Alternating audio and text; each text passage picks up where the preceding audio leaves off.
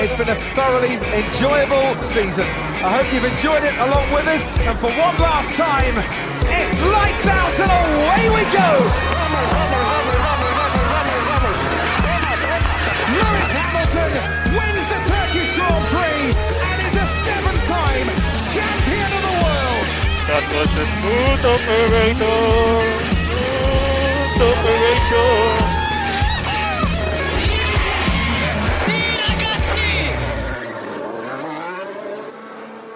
Herkese merhaba. Podstop Podcast'in bu bölümünde her zaman olduğu gibi Deniz ve ben Burak sizlerle birlikte Avusturya Grand Prix'sini konuşacağız. Deniz nasıl geçti Red Bull Ring'de ikinci hafta sonu sence? Ee, Beklediğimiz gibi Red Bull'un özellikle Verstappen'in dominasyonuyla geçti. Ee, Biz genelde son haftalarda özellikle ön taraftaki çekişmelere daha çok alışmıştık. Ama bu yarış neredeyse Verstappen'i kameralar bile çekmedi. Ee, Ama onun haricinde geride kalanların e, müthiş bir e, savaşı vardı bence. Gayet keyifli bir hafta sonuydu. Söylediğin gibi Verstappen sadece startta, pit stoplarda ve yarışın son turunda ekranlara geldi. Onun haricinde tek başına e, kendisinin yönettiği yarışı e, büyük bir dominasyonla tamamladı. İstersen hafta sonu konuşmaya sıralama turlarından başlayalım. Sıralama turlarında Max Verstappen çok rahat bir pole pozisyonu aldı. E, bu sefer 1.04'ün altına 3 pilot indi. Verstappen, Norris ve Sergio Perez. Fakat Verstappen 1.03 720 ile daha yumuşak e, lastik setlerinin olduğu bu hafta sonunda e, etkileyici bir sıralama performansı gösterdi. Lando Norris'in 0.40 saniye önünde pole pozisyonunu aldı. E, bunun haricinde sıralamalarda dikkat çeken önemli konulardan bir tanesi bence McLaren pilotu Lando Norris'in ilk çizgide yer almasıydı. Üçüncü sırada da Sergio Perez'in olmasıydı. Yani iki Red Bull ve McLaren e, Mercedes'lerin önünde başladı. Bu anlamda bizi hafta sonunda özellikle Mercedes'in e, güncellemeleri durdurduğu kararı verildikten sonra e, ve sonrasında bu hafta sonuna daha yumuşak lastik setlerine nasıl al- alışacaklar, nasıl hazırlanacaklar diye izlemeye çalıştığımız e, bu hafta sonunda şaşırtıcı bir başlangıç oldu. E, belki sıralamalardansa yarış ayarlarına odaklanmışlardır ve burada bir farklılık yaratabilirler diye düşündük. E, ama yarışta da beklediğimizden biraz daha uzakta oldu. Senin dikkat çeken konuların neydi sıralama turlarında?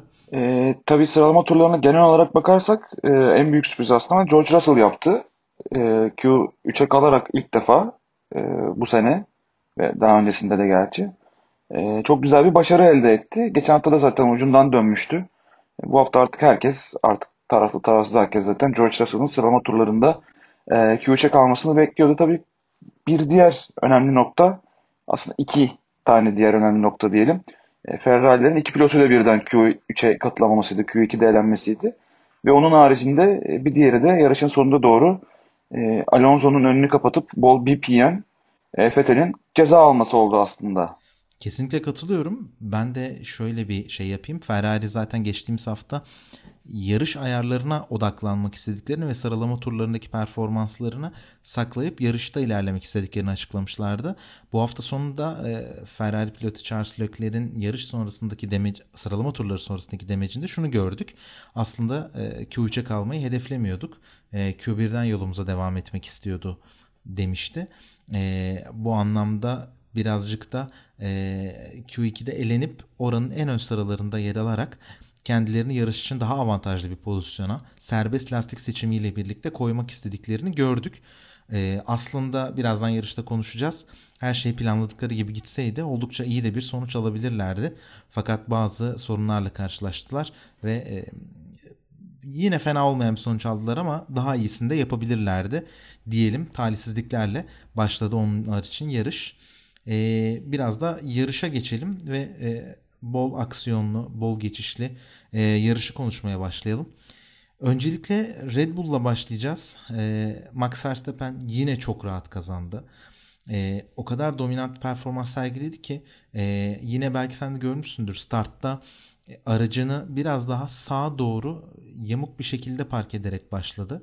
E, cephe öyle yerleşti. Bu da zaten 5 kırmızı ışık söner sönmez Norris'in önüne doğru bir kapanacağının göstergesi oldu ki bu şekilde başladı zaten.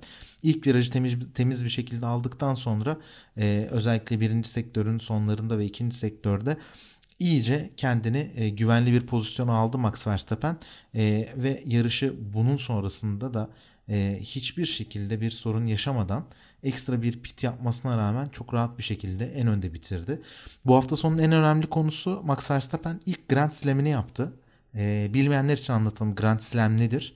Hem sıralama turlarında pole pozisyonu kazandı. E, hem yarışta galibiyet kazandı. Yarışta en hızlı tur zamanını elde etti ve yarışı baştan sona lider götürdü. Yani pitlerde bile geriye hiç düşmedi. E, bu dört kategorinin hepsinde en önde yer alarak ilk Grand Slam'ini kazandı. Bu anlamda onun için çok özel bir hafta sonuydu diyebiliriz. Daha önce de çok yaklaşmıştı Grand Slam'e. Eski takım arkadaşı sanırım Ricardo engellemişti onu. Yanlış hatırlamıyorsam e, son turlarda almış olduğu en hızlı turla beraber e, daha önce Verstappen'in Grand Slam'ini engellemişti. Evet, e, Verstappen ilk Grand Slam oldu. Ve çok da rahat oldu onun için. Yarışın başından sonuna kadar yani tehdit bile edilemedi diyebiliriz.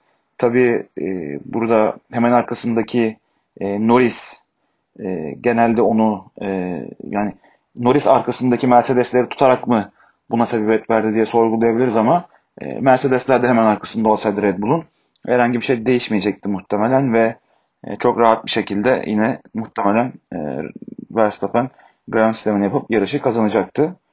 E, tabii arkasında hani biz konuşuyoruz e, şeyden bahsediyoruz ama e, dinleyenler de muhtemelen e, bu haftanın en önemli e, konuları olarak e, sürücülerin almış olduğu e, süre cezaları mı düşünüyorlar, konuşuyorlar, tartışıyorlar. Biz de aynı şekilde yavaş yavaş istersen e, oraya bir ince bir parantez açıp başlayalım. Çünkü yarışın başında e, Perez'le Norris arasında bir e, temas yaşandı ve bu temas sonrası Norris e, bir 5 saniye ceza aldı.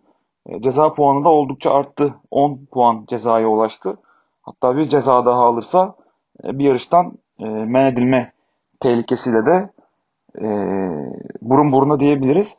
Ben sözü sana vermeden önce bu cezalarla ilgili ya da bu yarıştaki temasla ilgili şunu e, söylemek istiyorum. Ben artık pilotlar e, sanki ceza puanlarına çok dikkat etmiyorlar. Yani çok e, umursamıyorlar gibi hissediyorum ben almış oldukları süreler vesaireler evet okey yarış içinde konumlarını değiştiren cezalar okey ama bu ceza puanları çok fazla sanki sürücüleri son dönemde ilgilendiren bir konu değil gibi düşünüyorum.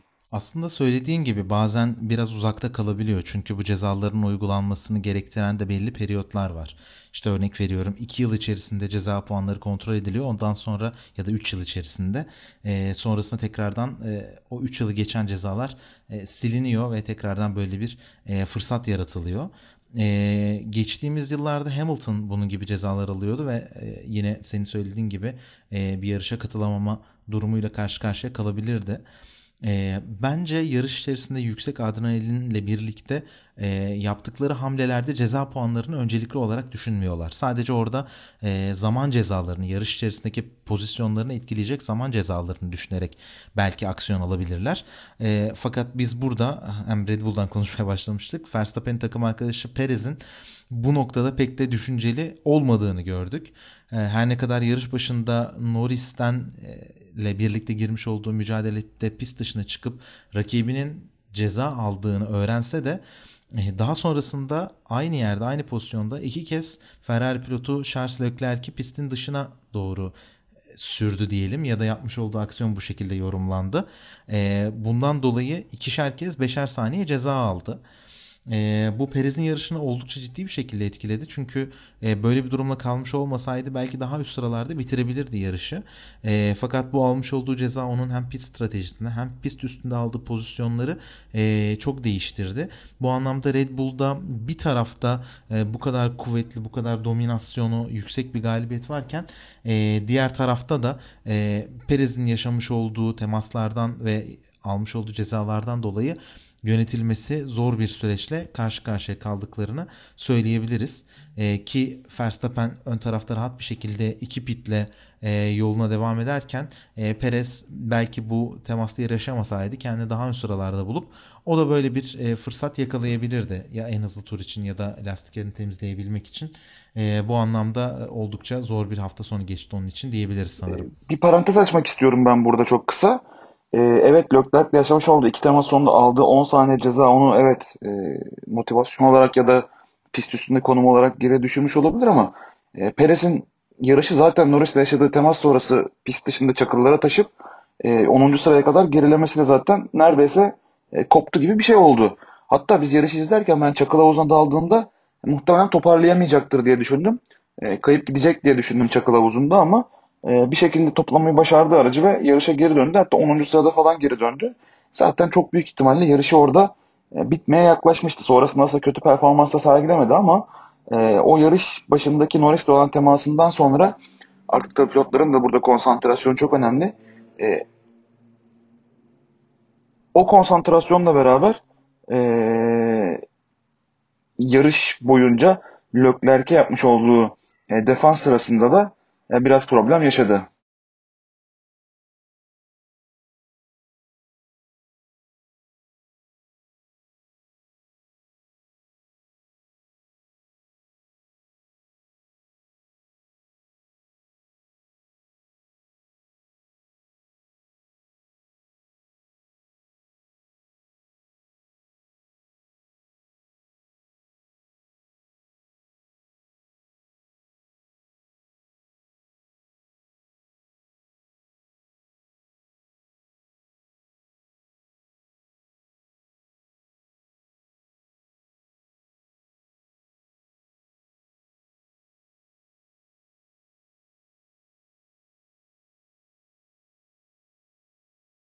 Yani şöyle şimdi e, bence haklıydı aldığı cezada.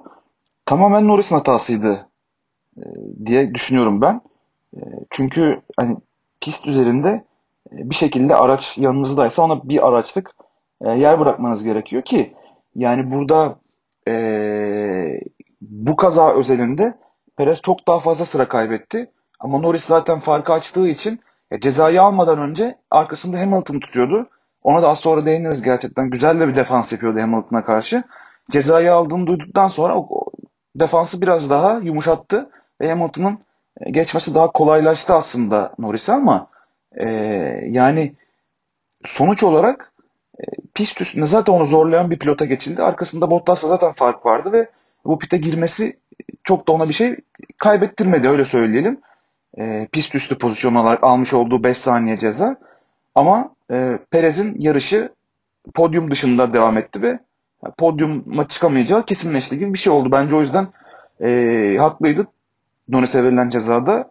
E, Perez tarafına da az sonra değiniriz zaten. Bence şöyle burada e, komüniteyi ayıran konu şununla alakalı. Kaçış alanlarının olduğu bölümlerde örnek veriyorum birinci virajda start finish düzlüğünden sonrasındaki ilk bölümde ya da e, bir sonraki düzlük sonrasına gelen yani 2 ve 3. virajdan sonrasına dönülen bölümlerde e, biliyorsun yani o tırmanma seansının olduğu yerde kaçış alanı var. Pilotlar buradan pistin dışına çıkabiliyorlar. Hatta e, geçtiğimiz yıl, iki yıl önce e, Leclerc Verstappen mücadelesi vardı. Verstappen'in onu e, Leclerc'i bu noktada dışarı doğru attığı düşünülmüştü son 2-3 tur kala Verstappen Leclerc'i geçtiğinde ve burada böyle bir ceza çıkmamıştı. Yani komite şu şekilde bölünüyor. Eğer bir kaçış alanı varsa ve burada bu şekilde e, rakibe bir araç boyu kadar mesafe vermeden onu dışarıda çıkarılabilecek bir nokta varsa herhangi ceza herhangi bir ceza gerektirmeden yarış komiserleri yarışı devam ettiriyor. Fakat çakıl havuzuna girebilebilecek bir noktada bu şekilde bir araç boyu mesafe bırakmadığınız zaman konu cezaya dönüştürülüyor gibi eleştiriler var. Şimdi bunları yan yana koyduğumuz zaman aslında haklılık payı e, olduğunu düşünüyorum. Ya bunların ikisinde de ceza çıkmalı ya da ikisinde de ceza çıkmamalı. Ama bence burada yarış komiserleri konuyu şu şekilde yorumluyorlar. Eğer kaçış alanı varsa bu dışarı doğru taşan kişinin çok ciddi bir e, zaman kaybı ya da bir sorun yaşamadan e, piste geri dönüşünü sağlıyor. Dolayısıyla rakibi bu anlamda e, herhangi bir şekilde mücadeleden geride bırakmıyor. Fakat çakal havuzu varsa Perez'in de yaşamış olduğu gibi çok ciddi e, hem zaman kaybı hem de sıra kaybı yaşayabiliyorlar. Dolayısıyla bundan dolayı ceza veriyoruz diyor biliyorlar. E, bu anlamda oldukça gri noktada olan bir durum. E, biz burada yorumu dinleyenlerimize bırakalım.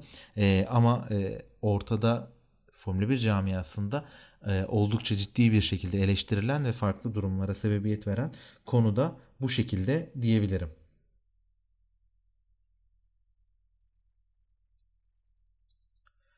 İstersen bu noktadan sonra Mercedes'le devam edelim. Sen az önce birazcık giriş yapmıştın. Lewis Hamilton, Lando Norris mücadelesi benim için izlemesi inanılmaz keyifliydi. Ee, ve yarış içerisinde de zaten e, Lando Norris e, savunma yaparken Lewis Hamilton'a e, Mercedes tesislerinden e, Lewis Hamilton'ın Lando gerçekten çok iyi bir sürücü yorumunu duyduğumuzda da eminim tüm izleyenlerin de e, böyle bir mücadele hoşuna gitmiştir diye düşünüyorum. E, Hamilton'a başlayalım ne dersin? E, evet Hamilton için e, geçen haftaki mağlubiyet ya daha doğrusu son haftalardaki performans düşüklüğüyle beraber e, zor dönemler geçiyor zaten. Gerçi yarış öncesinde bir e, iki yıllık e, kontrat imzalamışlardı. Yani bu artık duyurulmuştu. E, onun vermiş olabileceği motivasyon e, olabileceğini biz aslında e, düşünüyorduk yarış sırasında ama e, bir şekilde zaten yarışta e, sol arka süspansiyonunda almış olduğu hasardan sonra yarış onun için çok zor gitmeye başlamıştı ama e, yarış basında Norris'le yaşamış olduğu gerçekten bu e, içine girmiş olduğu savaş e, çok keyifliydi. İki İngiliz sürücünün e, bu şekilde yapmış olduğu bu e, savaş sonrasında Hamilton'ın zaten Norris'i övmesi hem çok e, doğru bir güzel bir davranıştı. Hem de Norris'in e, yarış sonunda vermiş olduğu demeçte e, Hamilton tarafından bu tür saygı görmek çok anlamlı gibi bir teşekkür konuşması, konuşması yaptı aslında. E, gerçekten hem yarış anlamında keyifli. Ayrıca Norris bir de şunu ekledi. Hani e, Hamilton gibi bir şampiyondan böyle bir baskıyı yemek ya ilk defa gerçekten yarıştığımı hissettim Hamilton'la dedi. E, böyle bir baskıyı hissetmek, e, bu baskıyı kurarken yapmış olduğu hareketleri aynada görebilmek, yarış üzerinde, pist üzerinde bu e, baskıyı hissedip öğrenmek benim için e, birçok dersten daha önemliydi gibi de e, demeçlerde bulundu ki haklı bence. E, o yüzden e, yarışın keyifli anlarından biriydi bence. Tam Lewis Hamilton yorumladı ve destek oldu takdir etti dediğimiz zaman istersen buradan Bottas'a da biraz geçebiliriz. E, Hamilton senin söylediğin gibi kontrat görüşmeleri sonrasında takım arkadaşı konusunda yorumları sunulduğun, sorulduğunda e, Bottas'ın çok iyi bir takım arkadaşı olduğunu, birlikte yarıştıkları dönem boyunca e, birbirlerinden çok faydalandıklarını ve kendisine çok destek olduğunu, e, eğer aksi bir durum olmadığı sürece takım arkadaşı değişikliğine ihtiyaç duymadığını açıklayarak aslında tüm hafta sonunu moralsiz geçiren Valtteri Bottas'a özel bir destek sundu. E, fakat ben Bottas'ı hafta sonunun tamamı da neredeyse yüzünün hiç gülmediğini gördüm. Ne sıralama turlarında e, ne yarış sonrasındaki röportajlarında ne yarış esnasında e, sürekli bu noktada e, mutsuz bir e, şey olduğunu gördüm. Ve bu anlamda acaba e, kontrat görüşmelerinin diğer tarafında Mercedes'le sorunlar mı yaşıyor diye düşündüm. E, ve bu anlamda da Bottas'ın pist üstünde avantajlı bir şeyler yakalayabilmesi, kendini motive edebilmesi çok önemliydi. Hamilton yarışın e, üçüncü virajında yanlış hatırlamıyorsam senin söylediğin gibi süspansiyon tarafında bir sorun yaşadıktan sonra zaten tabanda da bir arıza ile karşı karşıya kalmış. Bir temas almış burada. Bundan sonra yerini Bottas'a verdi. Aslında çok e, net olarak yol vererek geçtiğini söyleyemeyiz. E, bir virajda e, güzel yan yana gittiler ve Bottas burada kendini ön tarafta buldu. Sonrasında Bottas'ı podyuma göndermiş oldu. Belki ön tarafı zorlayabilir ya da e, ikinci sırayı alabilir diye. Ee, burada da e, Mercedes takım olarak önemli bir iş yaptılar ve podyuma bir pilotlarını sokabilmek için böyle bir stratejik değişiklik yaptılar. Sen Bottas'ın bu hafta sonu nasıl gözlemledin? E, ya Bottas için çok gerçekten bu kontrat e, dönemleri çok sancılı geçiyor bence. Motivasyonu gerçekten düşüktü. Hamilton'u gerçekten aslında e, motive etmeye çalıştı ama e, yine de e, ne kadar yeterli oldu açıkçası çok bilmiyorum. E, sıralama turlarında zaten e, çok e, yani istenileni verdi mi çok emin değilim. 5. sırada başladı yarış ama genel olarak Mercedes yavaş kalıyor zaten bu pistte. E, Norris ve Perez vardı ve Hamilton vardı. Yani yarışa geldiğimizde aslında Perez'in geri düşmesiyle beraber e, dördüncü sırada oldu. Hamilton'ın e, şeyiyle beraber e, problemiyle beraber e, üçüncü sıradaydı. Bir tek yani burada savaşabileceği Norris vardı. Norris de zaten bir şekilde geçip yarışı ikinci sırada tamamlamayı başardı. E, yani bu kontrat konuları devam ettikçe Mercedes'in ikinci pilot tartışmaları gündemde kaldıkça e, Bottas'ın performansını göstermesi gitgide zorlaşıyor bence. motivasyon anlamında. Yani e, bu son dönemdeki pistler de aslında Mercedes çok e, uyan pistler değildi. Önümüzdeki dönemde, önümüzdeki fikstürde Mercedes'e bence uyabileceğini düşündüğüm e, pistler var. E, o yüzden Mercedes'in daha avantajlı olabileceğini düşündüğüm pistler var. Yani bir tık daha Bottas'ın kendini gösterebileceği, e, kanıtlayabileceği yarışlar önümüzde diye düşünüyorum ben şahsen. Tam Norris'i geçip ikinci sıraya aldı dedin. İstersen buradan McLaren'e ve Norris'e geçelim. E, şimdi Lando Norris zaten e, Red Bull Ring'de ilk podyumunu yakalamıştı geçtiğimiz yıl. E, bu sene ikinci kez aynı pistte bir kez daha podyuma çıktı. E, kariyerine dört kez zaten çıkmıştı. Bu sene üçüncüsü oldu. E, her anlamdan bakıldığında sürücüler şampiyonasında üçüncü sıraya çıktı.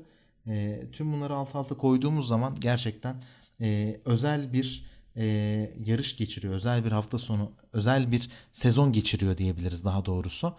E, ve pist üstünde de ne kadar gelişti, ne kadar farklı bir noktaya geldiğini gösterdi. Ben özellikle Hamilton'ı geçtiği anı e, tekrar tekrar izledim. Ee, çok özel bir yetenek olduğunu sadece orada bile kanıtlıyor. 7 kez dünya şampiyonluğu e, pist üstünde oldukça rekabetçi iki araçla birlikteyken bu şekilde geçmeniz e, gelecek için çok özel bazı ışıklar sunuyor. E, bu anlamda Lando Norris için parıl parıl parlayan bir hafta sonu oldu. Aldığı ceza sebebiyle e, yerini kaybetmiş olsa da yani ikinci sırayı kaybetmiş olsa da e, bunun yarattığı demotivasyonla da zaten yarışını farklı bir şekilde bıraktı. Böyle bir ceza almamış olsaydı ben ikinciliği de alabileceğini düşünüyordum. E, bu anlamda McLaren zaten e, yarış sonunda da e, pilotlarına gösterdikleri sevgiyle ne kadar muazzam bir hafta sonu geçirdiklerini söylediler. E, bir küçük parantezde e, Daniel Ricciardo'yu açmak lazım bence. E, Ricciardo yarışı 7. sırada bitirdi. E, onun için de zor bir hafta sonuydu. 13. sırada başladı yarışı 7. sırada bitirdi. E, şimdi bunu dikkatlice gözlemlersek ne oldu ve de bu şekilde bitirdi diye. E, lastiklerini iyi korudu. Tek pit stopla bitirdi yarışı. 29. turda e, pite girdi ve ondan sonrasında sert lastiklerle devam etti. E, yarışın başlangıcında alt tarafta özellikle yumuşak hamurla başlayan ilk ona girip e, işte Alfa Tauri'ler ve e, Aston Martin'lerden sıyrıldıktan sonra e, kendini ön sırada bulması bu dört pilotu geçerek ön sırada bulması zaten olağandı. E, lastiklerini iyi korudu. Pist üstünde tuhaf mücadelelere girmedi. E, tek sıkıntı yarış sonunda Sainz'a artık daha fazla direnemedi. Ki bu anlamda direnememesinin sebebi de çok haklı bir şekilde açıklayabiliriz. Sainz yapmış olduğu ekstra e, pit ile birlikte e, taze lastiklerle zaten e, bu pozisyonu almak için geliyordu. Son tura kadar e, iyi bir şekilde savundu belki onu ama son turda yerini kaybetti. Bu anlamda McLaren'i e, iki pilotunu yan yana koyduğumuz zaman bu hafta sonu başarılı bir performans sergileyip Ferrari'nin önünde geçirdikleri bir e, yarışı geride bıraktıklarını söyleyebiliriz. Ee, yani Lando Norris bu hafta sonu parıl parıl parladı dedin. Gerçekten bu sezon aslında onun sezonu oluyor diyebiliriz. Çünkü her yarıştan puan çıkarmayı başardı ve yani henüz bir kazaya da karışmadı diye hatırlıyorum. Çok ufak kazalara karışmış olabilir. Yani araç anlamında çok e, ciddi hasarlar çıkartan da e, bir kişi değil. Takım da bundan gayet memnun olduğunu dile getirmişti zaten. E, bu yarış özelinde de podyuma çıkarak yani bu sezon gerçekten e, müthiş bir iş başarıyor. E, Ricardo'ya geçersek yani Ricardo'nun e, 13. sırada başlaması bir parantez. E, bu parantezin içerisinde bir de şu var. Ya ben attığım turdan memnunum. Araçtan istediğimi aldım. Ama zamana baktığımda yeterli olmuyor diyor. Yani bu aslında e, bence kötü bir, e, talihsiz bir açıklama. Yani sen mutlusun. E, araçtan istediğimi aldım diyorsun, hızlıydım diyorsun ama baktığında 13. oluyorsun ve e, yanlış yani oturup ben diyebilirler kardeşim sen nasıl mutlu oluyorsun bu turdan diye adama sorarlar yani. E, o anlamda biraz e, Ricardo'nun ya son dönemde de genel olarak böyle zaten bu yarış özelinde değil. E, 7. sırada tamamladı yarışı. Senin söylediğin gibi e, yarışın sonlarına doğru Ferrari ile çekişmesi vardı. Önce pitte geçtiği Leclerc'i arkasını tutup daha sonra e, bir süre arkasını tutup daha sonra Sainz'i arkasını tutmaya çalıştı ama Sainz de geçildi. Yani e, sene başında Ricardo McLaren'a geldiğinde ya biz artık e, yani çok farklı çok farklı şeyler bekliyorduk. E, Norris'in kesinlikle çok arkasında kaldı. Yani e, takım da muhtemelen Ricardo'yu buraya getirirken çok şey bekliyordu. E, Ricardo gerçekten bir yıldız pilot aslında. E, yıllarca Red Bull'da tecrübesini kanıtladı, tecrübesini gösterdi herkese. muhtemelen maaş konusunda da çok yüksek maaşlar alıyor olabilir. E, yani McLaren'ın ikinci pilotu olarak e, Ricardo'yu seçip Ricardo'nun o kadar kötü performans alması e, bence hiç beklemedikleri bir noktaydı. E, bu anlamda e, yani biraz şapka önüne koyup yavaş yavaş Ricardo'nun düşünmeye başlaması gerekiyor bence. Yani yedinci kötü bir sonuç mu? Değil belki baktığında ama e, çok daha iyisini takım arkadaşı yapabiliyorken kendisinin de e, bence kanıtlaması gerekiyor. Deyip istersen e, buradan da Ferrari'ye bağlayalım. E, ekleyeceğim bir şey yoksa McLaren tarafına. E, bu hafta sonu e, kaydın başında da söylediğimiz gibi e, Q3'e belki de kalmak kendileri istemediler diyebiliriz. E, farklı bir lastik stratejisi yapmak istediler. Zaten e, Q3'e kalmak için çok büyük ihtimalle yumuşak lastik takmaları gerekiyordu. Ve yarışa yumuşak lastikle başladıklarında çok muhtemel iki pit stop yapmaları gerekecekti. Bu da onları geriye itecekti. O yüzden 10-11. E, gibi başlayıp e, istedikleri lastiklerle başlayıp tek pit stopla beraber e, yarışı bitirmeye çalıştılar diye yorumladık en azından biz. Birçok insan da bu şekilde yorumladı ve ters lastik stratejisiyle başladılar. E, tabii Leclerc iyi geçişler yaptı. Geçen hafta da çok e, güzel geçişler yapmıştı yarışın e, son sırasına kadar gerildikten sonra. E, bu hafta da çok iyi olabileceğini düşünüyorlardı ki antrenman turlarından sonra da takım yani röportaj yapıldığında aracın bu hafta sonu da iyi olduğunu ve yine e, geçen hafta sonu gibi başarılı e, olabileceklerine inandıklarını söylemişlerdi. Tabii Perez'le yaşamış olduğu iki tane talihsiz e, temas var diyelim. Onun konsantrasyonu konsantrasyon kaybı yaşatmış olabilir Leclerc'e. Gerçi bir tanesi yarışın sonuna yakındı ama e, yine de iyi tutundu. Yani o da yarış dışı kalmaktan son anda kurtuldu bence iki temasta da en azından öyle söyleyeyim. E, Perez'e yer vererek, e, Sainz'e yer vererek iyi bir iş yaptı bence. E, iki takım olarak ikisi de iyi sonuçlar aldılar. Yani Leclerc atıyorum e, Perez'i geçmiş olsaydı ya da geçemedi bir şekilde yer vermiş olsaydı yani maksimum ikisi de sıralama olarak bir, bir sıra daha yukarı atabilirlerdi kendilerini. E, sonuç olarak Ferrari adına bence çok da kötü olmayan bir hafta sonu diye e, yorumlayabiliriz bence. Şimdi şöyle bir e, durum oldu sıralama turları bittiğinde. E, iki pilotun da bir adet kullanılmış orta hamur lastiği ve bir adet sıfır set sert lastikleri vardı. E, pilotlarına şöyle ters bir strateji uyguladılar. Lökler Q2'de kullandığı orta hamurla yarışa başladı. Sainz ise sıfır set sert lastikle başladı. Leclerc 34. turda pite girip temiz sert lastiklerle yarışın sonunu getirmek istedi. Sainz ise bence çok takdir edilesi bir performansla 48. tura kadar sıfır set sert lastiklerini kullandı ve ondan sonra kullanılmış orta, hamurlar, orta hamura geçti. Bu ters strateji aslında onların yarış içerisinde pilotlarının birbirleriyle e, yarışmasının önüne geçerek farklı stratejilerde, farklı noktalarda kendilerine pist üstü avantaj sağlamalarını gerektiren bir durumdu. Şimdi bunları bu şekilde bakıp yorumladığımız zaman stratejisini Ferrari'nin bu şekilde gözlemlediğimiz zaman yaptıkları işe de yorumlamak biraz daha kolay olacak. Ee, önce Lökler'den başlayalım. Orta hamurla devam ettiği yarışta Perez de geriye düştükten sonra onunla pist üstünde iki kez böyle kıran kırına bir mücadeleye girip zorlayıp ve iki kez pist dışına taşmasına rağmen daha sonrasında yetişti biliyorsun ilk kez taştıktan sonra Perez'e yetişti. Sonra ikinci kez tekrardan taştı. E, buna rağmen bu hem lastiklerini çok ciddi bir şekilde hırpalayan hem de e, pilotun motivasyonu da oldukça etkileyen bir konuydu. E, burada aslında o temiz geçişi Perez'e yapabilseydi ben Lökler'in e, önünün biraz daha açılacağını, daha farklı bir şekilde ilerleyebileceğini düşünüyordum. En azından o, o tam o arada birlikte yarıştığı Ricardo Gazli e, gibi pilotlarla rekabeti daha farklı olacaktı. E, bence kesinlikle Ricardo'nun zaten önünde kalacaktı. E, pit stratejilerine yenilmeden önünde kalacaktı. E, tüm bunları alt alta koyduğumuz zaman e, Leclerc birazcık da yaşadığı temasların talihsizliğine uğradı. E daha sonrasında 34. turda pite, pite girdikten sonra almış olduğu sert lastiklerle uzun süre McLaren'i arkasından takip etti. Şimdi McLaren'i takip ederken de şuna dikkat çekmemiz lazım. Bu araç yani Ricardo'yu takip et, takip ettiği araç yani Ricardo'nun aracının aynısı ön tarafta podyum mücadelesi veriyor. Sıralama turlarında ön çizgiyi almış. Yani oldukça kuvvetli bir araç. Her ne kadar Ferrari yarış ayarları yapsa da ee, bazı güncellemeler getirse de hala o seviyede değil. Uzun süre bu aracı takip ediyor olmak burada yani zor bir takipti. E, Lökleri de oldukça etkiledi ve e, zor anlar yaşattı onun için. E, fakat daha sonrasında Sainz'in geç bitiyle Sainz takım arkadaşının arkasına geldiğinde e, güzel bir enstantane yaşandı. Ee, orada Leclerc Sainz'a temiz bir şekilde aslında yol verdi, müsaade etti. Sainz da e, bunun için teşekkür etti. Belki o bile bu kadar kolay olacağını düşünmüyordu e, bu durumun. Ama o da kullanılmış da olsa yani sadece 2-3 tur kullanılmış orta hamur lastiklerle daha taze bir şekilde ön tarafa gidip ne kadar e, pilot varsa avlayabileceğini biliyordu. O da bunun için şansını denedi ve Leclerc'i geçtikten hemen sonrasında e, umarım e, vermiş olduğunuz görevi yerine getirebilirim. Elimden geleni yapacağım diye e, telsizden bir konuşma yaptı ve Ricardo'yu son turda avladı.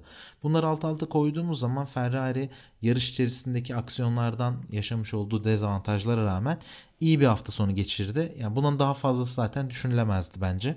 E, ama burada kırmızılar ellerinden geleni yaptılar. Özellikle pistin %73-74'ün tam gaz gidildiği motor performansının çok önemli oldu ve rakımın çok yüksek olduğu bir pistte e, bu sonucu almaları e, ilerleyen yarış için, yarışlar için e, özellikle yarış temposunu ne kadar değişe, değiştirebildikleri görüldüğü için e, bence ışık veren bazı durumlarla bizi karşı karşıya bırakabilir.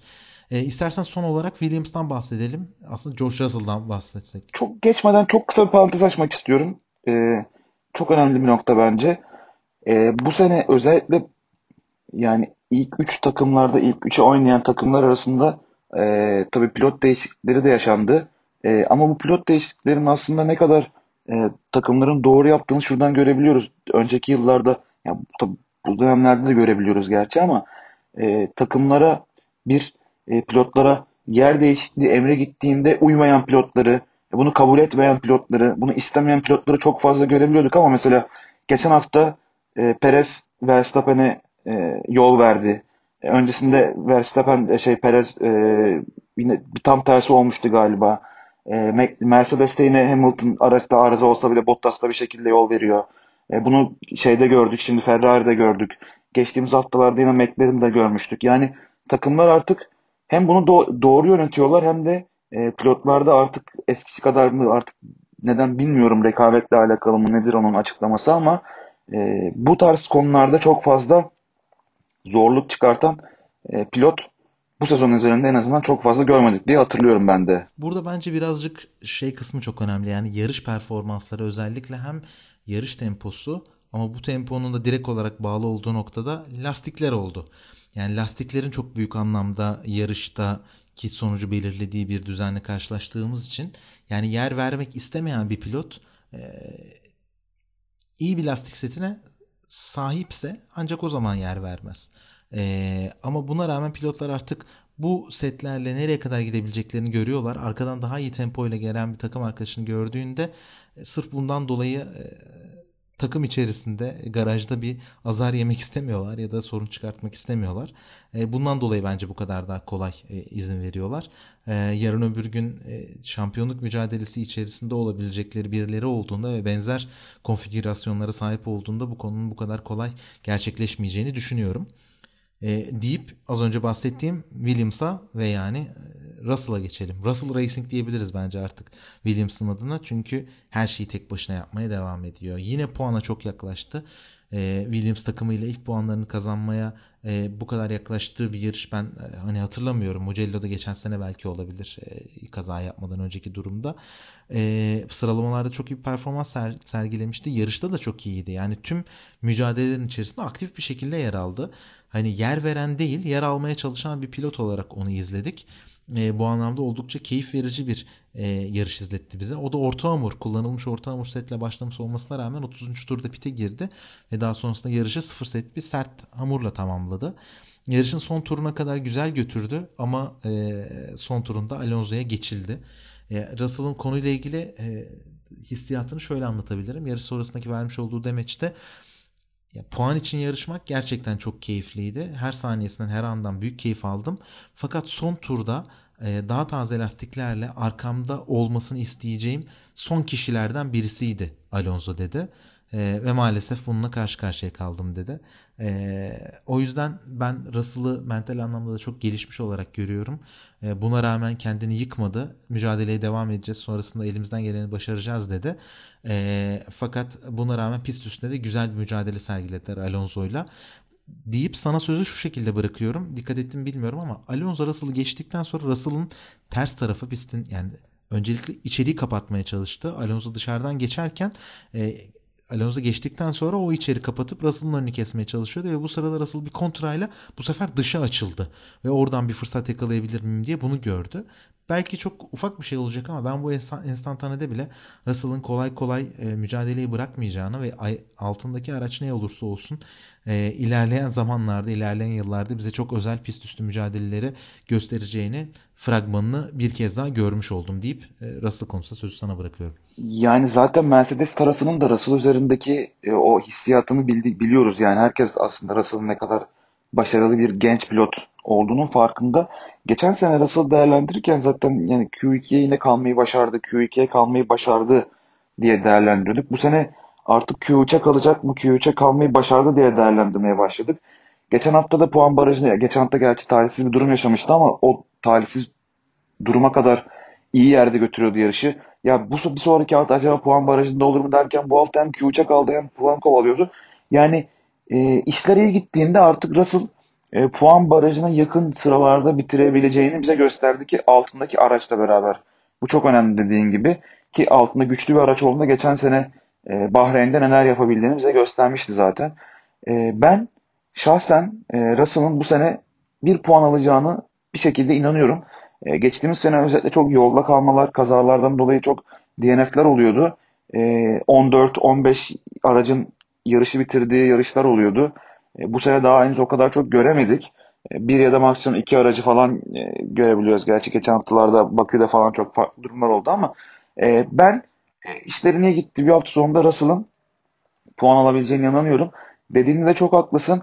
E, hem artık o tecrübeye e, sahip olmaya başladı. Yani bir siz pist üzerinde e, göreceli rekabetçi bir aracın üzerinde e, Mazepin'i ya da Şimair'i görüyor olsanız mesela o geçişten sonra o kontra atakla geçmeye çalışmayı göremeyebiliriz belki ama Russell artık bunları görüyor. Çünkü pist üzerinde e, birileriyle e, yarış içerisinde artık şu anda çünkü. Birilerini geçiyor, geçiliyor, sırayı geri alıyor, tekrar geri veriyor gibi.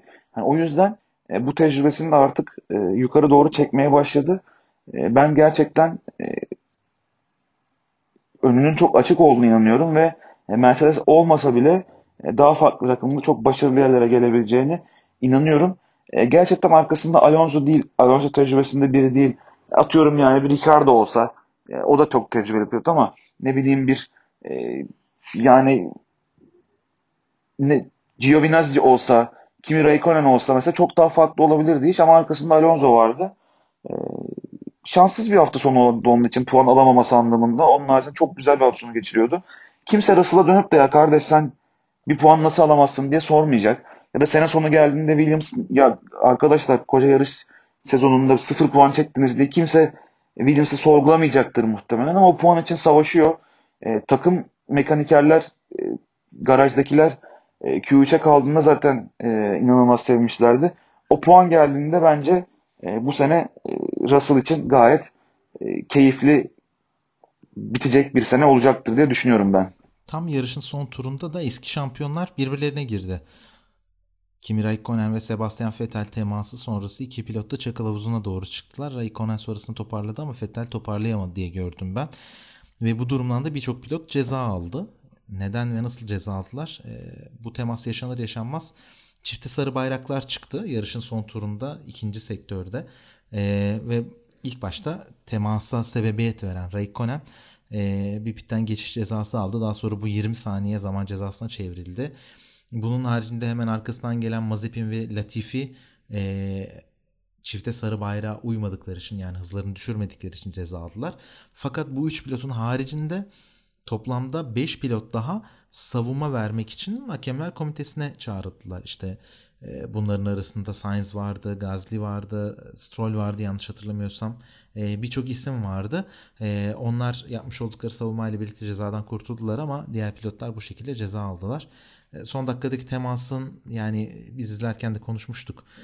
Sebebi biraz net bir şekilde belli ama yine de senin farklı bir yorumun var mı? En azından onu sorayım.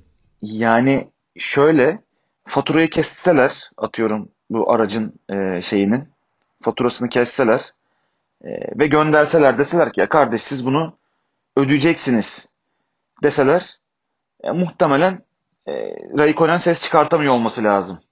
O seviyede bir hataydı.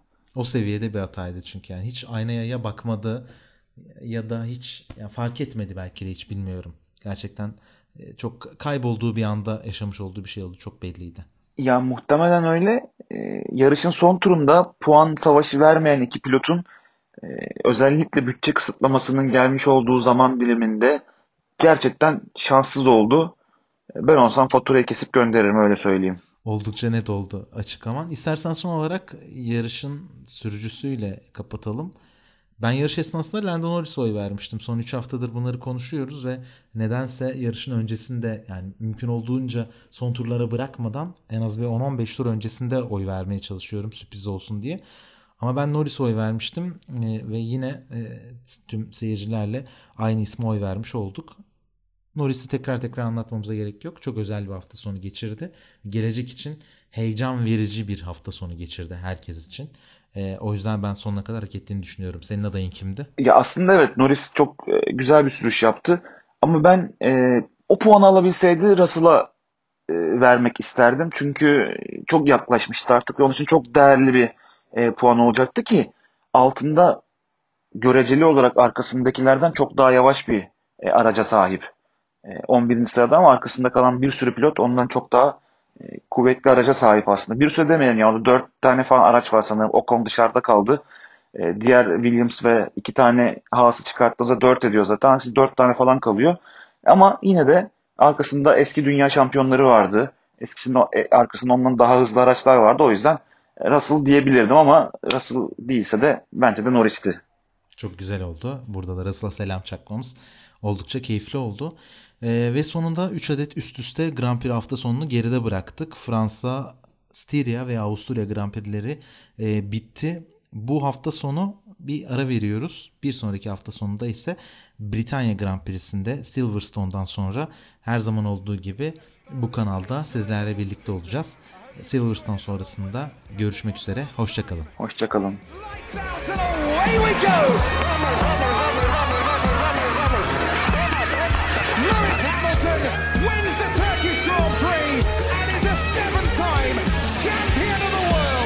That was a smooth operator.